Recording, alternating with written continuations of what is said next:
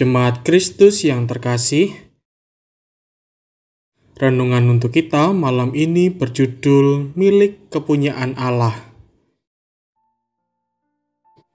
Dan bacaan kita diambil dari Mazmur 75 ayat 2 sampai 4 dan dilanjutkan ayat 10 sampai 11. Demikianlah firman Tuhan. Kami bersyukur kepadamu, ya Allah. Kami bersyukur, dan orang-orang yang menyerukan namamu menceritakan perbuatan-perbuatanmu yang ajaib.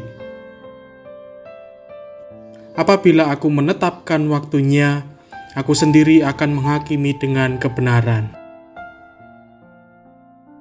Bumi hancur dan semua penduduknya tetapi akulah yang mengokohkan tiang-tiangnya.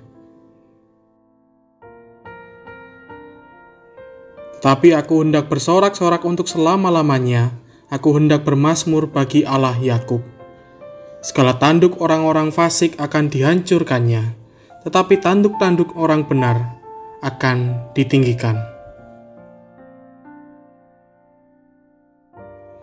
Beberapa tahun yang lalu, ada sebuah film yang menggambarkan saat seseorang diserai kuasa oleh sosok yang digambarkan sebagai Tuhan.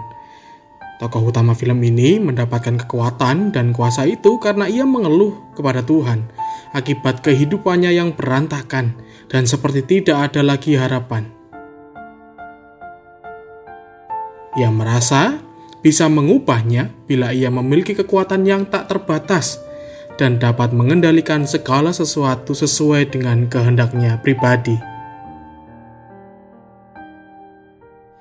Beberapa hari pertama, ia menikmati hal tersebut saat ia mengubah segala aspek dari hidupnya sesuai dengan keinginannya, bahkan melakukan tindakan-tindakan yang tidak terpuji karena membalas beberapa perlakuan orang lain yang pernah ia terima.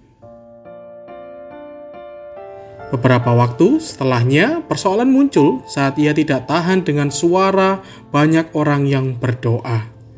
Dan akhirnya, dengan kekuatan yang ia miliki, ia menyetujui segala doa yang diucapkan semua orang, dan muncullah kekacauan karena tidak semua orang dapat berdoa dengan bijak. Banyak hal ganjil yang terjadi, dan ia akhirnya ketakutan, lalu menyerahkan kekuatan tersebut kepada Tuhan yang ia temui beberapa waktu belakang. Dari film ini, kita dapat belajar bahwa ada banyak kehendak yang kita miliki dan ingin itu semua terwujud.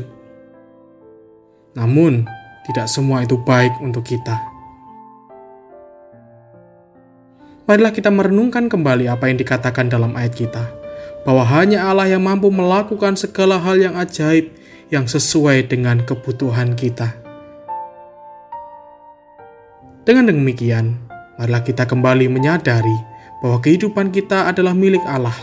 Hanya Allah yang mampu mengadili dalam kebenaran dan sekaligus memulihkan kehidupan. Percayakanlah hidup kita sepenuhnya kepada Allah. Jangan memakai pengertian kita sendiri. Biarlah kehendak Allah saja yang terjadi dalam kehidupan kita Nikmatilah segala sesuatu yang disediakan Allah sebagai hal yang ajaib yang dapat kita nikmati. Percaya bahwa Ia yang memiliki kebenaran dan yang memberi keadilan.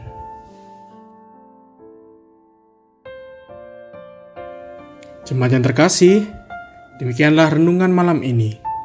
Semoga damai sejahtera dari Tuhan Yesus Kristus senantiasa memenuhi hati dan pikiran kita. Amin.